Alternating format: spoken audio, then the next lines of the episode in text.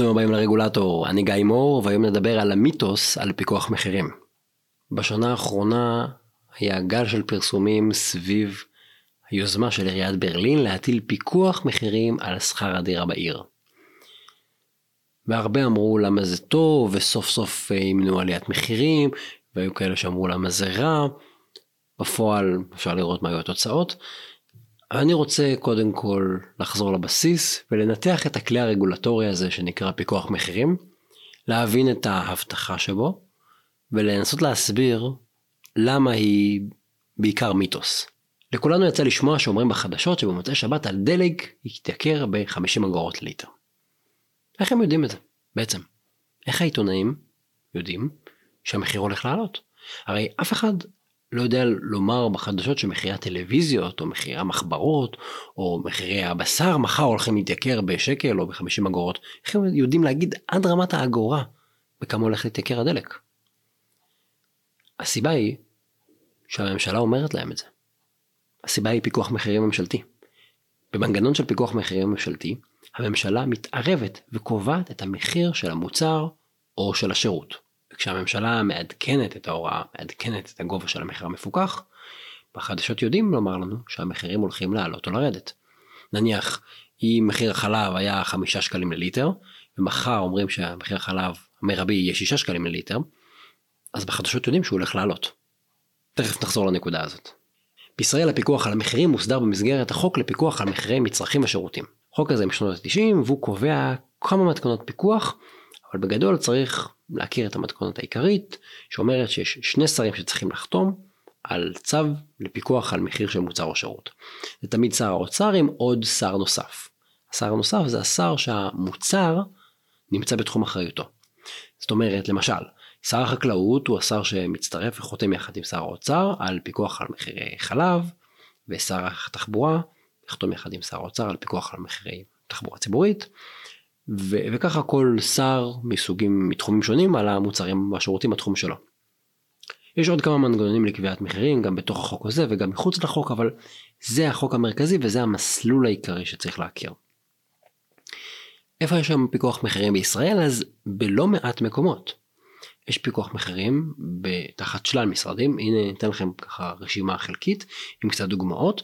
אה, משרד החקלאות מפקח על מחירי ביצים, חלב, מחירי מוצרי חלב, משרד הבריאות מפקח על מחירי תרופות ועל מחירים של שירותים רפואיים, משרד התחבורה מפקח על מחירי התחבורה הציבורית, מחירים שאתם משלמים באוטובוס או ברכבת, או אפילו המונה של המונית שלכם.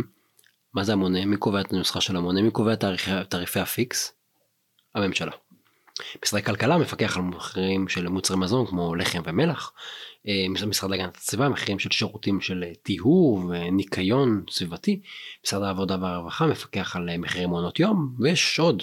אז אני יכול לקבוע מחירים בכמה דרכים בואו נראה שלוש דרכים עיקריות. דרך ראשונה זה מחיר מקסימום זאת הדרך הכי פופולרית. זה בעצם פיקוח המחירים הקלאסי. אנחנו קובעים את המחיר המרבי שמותר לגבות. בגדול הרעיון הוא להגן על הצרכן, כי בעצם אנחנו שומרים עליו שהוא לא יצטרך לשלם יותר מהמחיר המרבי.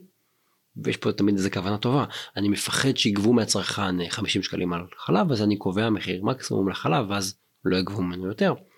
אז אנחנו קובעים מחיר מרבי לדלק או לחלב. הסוג השני הוא מחיר מינימום. כשאני קובע מחיר מינימום אני בעצם רוצה להגן על מי שמקבל את התשלום, כדי לוודא שלא משלמים לו מעט מדי. למשל, אה, בתחום החקלאות יש פיקוח על מחיר המינימום שמחלבה משלמת לרפתן בתמורה לחלב. הרעיון מאחורי הפיקוח הזה שהמחלבות הן גדולות, למשל תנובה, והן חזקות, אבל הרפתן הוא קטן וחלש. אז צריך להגן עליו. עוד דוגמה קצת יותר מפתיעה אבל שמוכרת לכולם זה שכר מינימום. שכר מינימום בעצם פיקוח מחירי מינימום, אני לא יכול לשלם לכם פחות מהמחיר שנקבע. וכאן ברור גם שהמטרה היא להגן על העובדים. ועוד דוגמה יותר אקטואלית היא למשל חוק הספרים, שנקרא חוק להגנת הספרי, הספרים והספרות העברית. חוק כזה אסר הפחתת מחירי ספרים, אסר על הנחות, על מבצעים, וזה בעצם עוד פעם מחיר מינימום. זה לא הוגדר כפיקוח מחירים אבל זה מה שזה. האיסור הזה אגב בוטל. וסוג שלישי של פיקוח שהוא בעצם גם וגם זה מחיר פיקס. זה בעצם כשאני קובע מחיר שאני אומר זה המחיר אתם לא יכולים לגבות יותר ולא יכולים לגבות פחות. בעצם אני קובע מחיר שהוא גם מחיר המקסימום וגם מחיר המינימום. במצב כזה בעצם הממשלה קובעת את המחיר המדויק ואסור לסטות ממנו לשום כיוון. והנה עוד דוגמה לא טריוויאלית למשל למחיר פיקס כזה. בתקנות הנוטריונים נקבע המחיר המדויק שמותר לשלם לנוטריון. על כל מיני שירותים. למשל על אימות חתימה משלמים 167 שקלים. אסור לשלם יותר ואסור לשלם פחות. הממשלה קבעה מחירון סגור וקשיח. אין הנחות, אין העלאות. היא מגנה על כולם, סוגרת את המחיר, אין לאן לזוז. אז זה הפיקוח המחירים וראינו גם את הטכניקות שאפשר לקבוע מפיקוח מחירים. עכשיו אני רוצה לספר לכם על המיתוס. המיתוס על פיקוח מחירים. האגדה על פיקוח מחירים הולכת ככה. בתחום מסוים גובים מחיר גבוה מדי.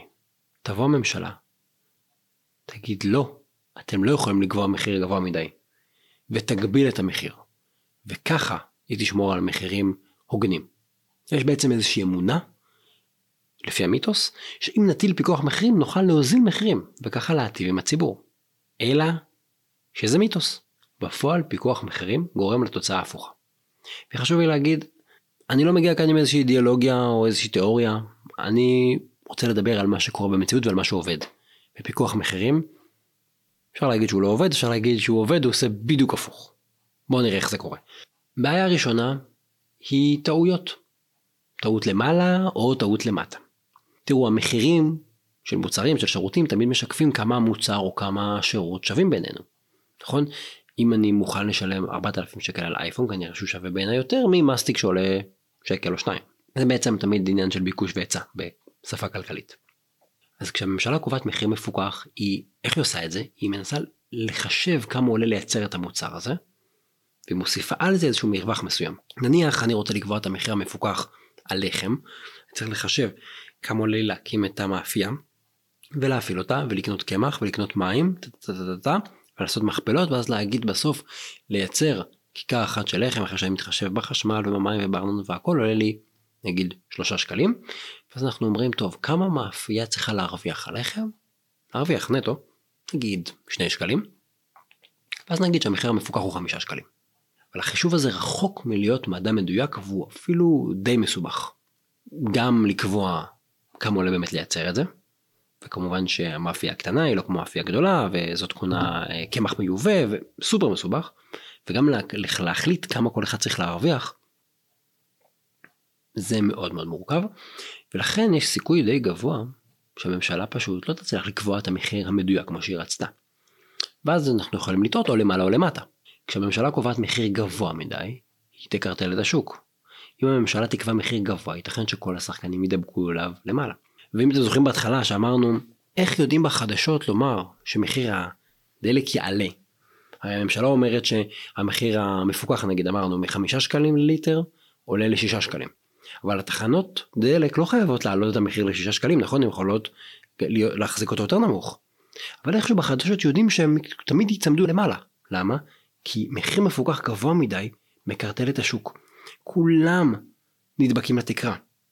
כן, כשמודיעים בחדשות שמחיר הדלק יתייקר במוצאי שבת, הממשלה מעלה את המחיר המפוקח ורוב תחנות הדלק פשוט מתיישרות כלפי מעלה, נצמדות למחיר המקסימלי.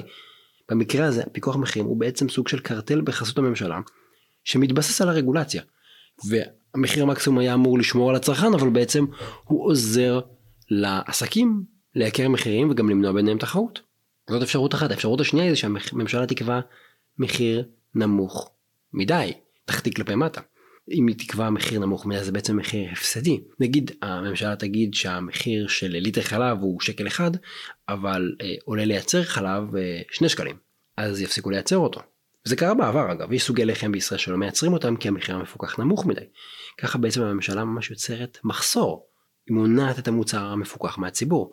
תחשבו על, אמ, אמרתי קודם אייפון, תחשבו שהיינו אומרים בישראל אייפון המחיר המרבי שלו הוא 100 שקלים. כדי להגן על הציבור, כדי שאפל לא תעשוק אותנו. אם עולה לייצר אייפון יותר מ-100 שקלים, לא יעזור כלום, לא תצליחו להשיג אייפון בישראל. אז הגנו עליכם. אתם לא תקנו אייפון במחיר מופקע, אבל אתם לא תקנו אייפון בכלל, פשוט כי אין. וגם בלי טעות חמורה למטה, פיקוח מחירים פשוט פוגע בתמריץ לייצר את המוצר. אם, אם אני מרוויח ממש מעט, אני פשוט אלך ואני אייצר מוצר אחר שאני יכול להרוויח עליו יותר. זה קורה למשל אפילו בפיקוח על השכר דירה, שגורם לקבלנים לבנות פחות. תחשבו על זה, אם אני, אני אומר לכם בברלין, אם תבנו בניין תוכלו להרוויח עליו אחוז, ותבנו את אותו בניין שעולה לכם אותו דבר, תבנו את זה בפרנקפורט, תוכלו להרוויח חמישה אחוז, אתם פשוט תגידו לא תודה, אני לא בונה בברלין. למה לי? אני פשוט, אולי אני לא מפסיד אבל אני יכול להרוויח מקום אחר, אני פשוט אלך. תצרפו לזה את העובדה שמהירות התגובה של הממשלה היא בדרך כלל איטית, וכשיש שינוי בשוק לוקח לה זמן להגיב, אז גם אם קבענו מחיר טוב בזמנו, מאוד יכול להיות שאחרי כמה חודשים, או אפילו כמה שבועות, או אפילו כמה ימים, המחיר שנקבע כבר לא מתאים, ואז הוא הופך להיות גבוה מדי או נמוך מדי. זה לא עובד. הבעיה השנייה עם פיקוח מחירים, זה שהוא הורס את התמריץ שלנו להשתפר ולהתייעל. מה, זה בעצם ההשפעה ארוכת הטווח. נניח שקבענו פיקוח מחירים, והוא גם קצת מעל עלות הייצור. נגיד עולה אמרנו אה, שלושה שקלים לייצר כיכר לחם ואני אומר שמותר למכור אותה בחמישה שקלים. אוקיי? בדרך כלל מה שקורה לאורך השנים, אנחנו רואים את זה, אה, עם התקדמות הטכנולוגיה המחירים של מוצרים יורדים, כי חברות משקיעות במחקר ובפיתוח ואז זה מוזיל את מחיר המוצרים, אנחנו מוצאים דרך יותר יעילה, נגיד יותר חסכונית בחשמל, פחות בזבזנית בחומרי גלם, יותר זול לנו לייצר וככה היום מוצרים יותר זולים ממה שהם היו לפני 20 שנה. זה טוב, כן? אבל מה קורה אם יש פיקוח מחירים? נגיד תחשבו שאמרנו שאני חישבנו כמה עולה לייצר עיקר לחם עולה לי שלושה שקלים ואז אני ממציא איזושהי טכנולוגיה חדשה עושה פיתוח רושם פטנטים קונה מכונות ועכשיו עולה לי שני שקלים לייצר עיקר לחם. עכשיו עבורי זה מדהים אני יכול או להוריד מחירים ואז להתחרות במאפיות אחרות ואז גם הציבור ייהנה ממחיר יותר נמוך או שאני אשאיר את המחיר אותו דבר אבל אני פשוט ארוויח יותר ואני משתלם לי כי השקעתי באמת המצאתי טכנולוגיה חדשה קניתי ציוד. אבל בפיקוח המחירים זה לא ככה, כי פיקוח המחירים תמיד אומרים לי, אנחנו נעדכן את המחיר. אז אם יותר זול לך לייצר, אנחנו נוריד את המחיר המפוקח. אתה לא יכול להרוויח מזה. אז פיקוח המחירים נועל את השוק. הוא מונע ממני להתפתח, מונע הוזלת מחירים, הוא בעצם כל פעם כשאני מצליח לחסוך בעלויות, הוא אומר לי אתה לא יכול להרוויח מזה, אנחנו מורידים לך את המחיר.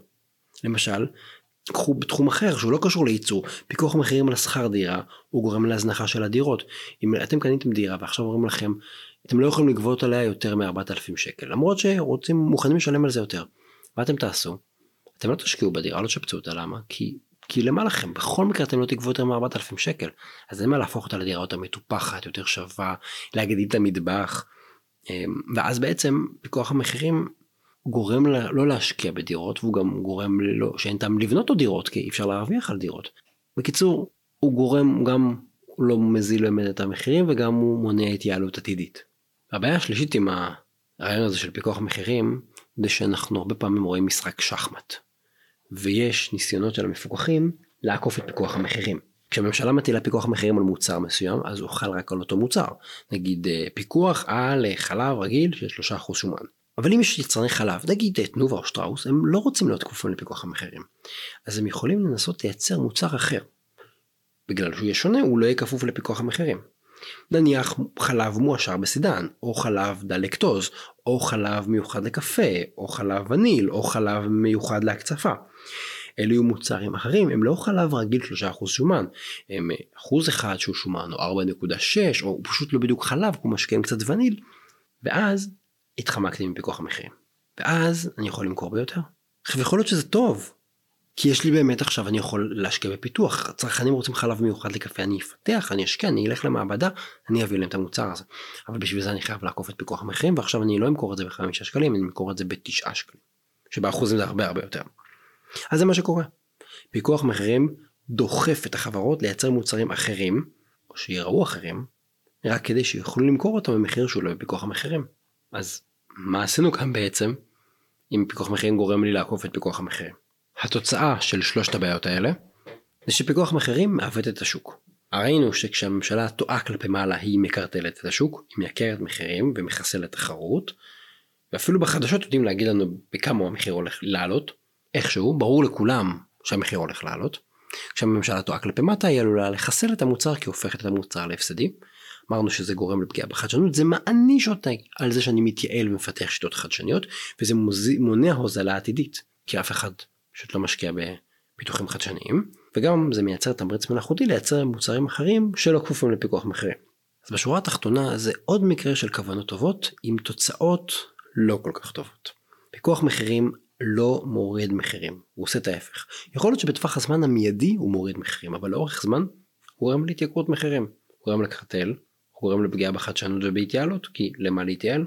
אם תסתכלו על המחירים של מוצרים שונים תגלו שכשיש פיקוח מחירים המחיר דווקא גבוה וכשאין פיקוח מחירים המחיר נמוך. זה מופיע לפעמים בצורות uh, טיפה יותר מתוחכמות אבל למשל בשוק המזון מחירי הפירות וירקות בישראל אין עליהם פיקוח מחירים הם זולים בערך ב-20% בהשוואה לממוצע של מדינות ה-OECD. אבל מחירי הביצים והחלב יקרים בערך ב-50% יותר מממוצע ה-OECD למרות שעליהם יש פיקוח מחירים. איך זה יכול להיות? תיתן לנו פיקוח מחירים למה המחיר יותר יקר? זה עובד הפוך על הפוך. אז זה המיתוס של הפיקוח על מחירים. אני כאן רוצה לסיים ולהגיד מתי כן לעשות פיקוח מחירים. פיקוח מחירים מונע אפשרות לשוק תחרותי, ראינו.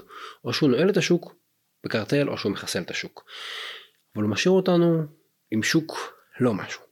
והוא מקבע את המחירים איפה שהם. ולכן בפשטות פיקוח מחירים הוא פתרון טוב רק אם בשוק מסוים אין סיכוי שתהיה תחרות. במילים אחרות, פיקוח מחירים הוא לא פתרון קסם להורדת מחירים למרות שככה מסתכלים עליו, אלא הוא בעצם מוצא אחרון. פיקוח מחירים הוא הפתרון האחרון שאנחנו נשתמש אחרי שנכשלנו בלייצר תחרות בענף מסוים. נגיד את זה בצורה יותר בוטה, פיקוח מחירים הוא הודעה בתבוסה. לא הצלחנו להביא לכך שיהיה שוק תחרותי, ואין לנו ברירה אלא להטיל פיקוח מחירים. נותן פה חידת בונוס למאזינים המתקדמים של הפודקאסט, מה גורם לשוק להפוך לריכוזי ולא תחרותי? מי גורם? איך גורמים לשוק להפוך לריכוזי ולא תחרותי? איזה תופעה יכולה לגרום לזה? איזה פעילות ממשלתית? אז אפשר להשתמש בפיקוח מחירים, אבל צריך להבין שזאת לא האופציה הראשונה שלנו, והיא לא אופציה כזאת טובה, היא בעצם האופציה האחרונה שלנו כשאין לנו ברירה אחרת. כשכבר נגמרו לנו הכלים. כשאנחנו מודים שהרמנו ידיים. אז זה הסיפור של המיתוס על פיקוח מחירים. פיקוח מחירים הוא דוגמה לרגולציה שמשיגה בדרך כלל את התוצאה ההפוכה. כי האינטואיציה שלנו זה שפיקוח מחירים יכול להוריד מחירים והוא שם בשביל למען הציבור ולמען האזרח הקטן. אבל הניסיון גם בישראל וגם בעולם ואני מדבר פה על מאות מחקרים שפיקוח מחירים דווקא מעלה מחירים, הוא פוגע בתחרות והוא פוגע במי שהוא אמור להגן עליו. ולכן פיקוח מחירים הוא רוב הזמן מיתוס. תודה שהאזנתם לפרק הזה של הרגולטור, אני גיא מור. אתם מוזמנים לאתר האינטרנט רגולטור.אונליין, יש שם לינקים למחקרים ולנתונים ולעוד פוסטים בנושא הזה, כדי שתוכלו לראות באמת את הניסיון המאוד מאוד בעייתי והמאוד מאוד מורכב של פיקוח מחירים. התכנים משקפים את דעותיי בלבד.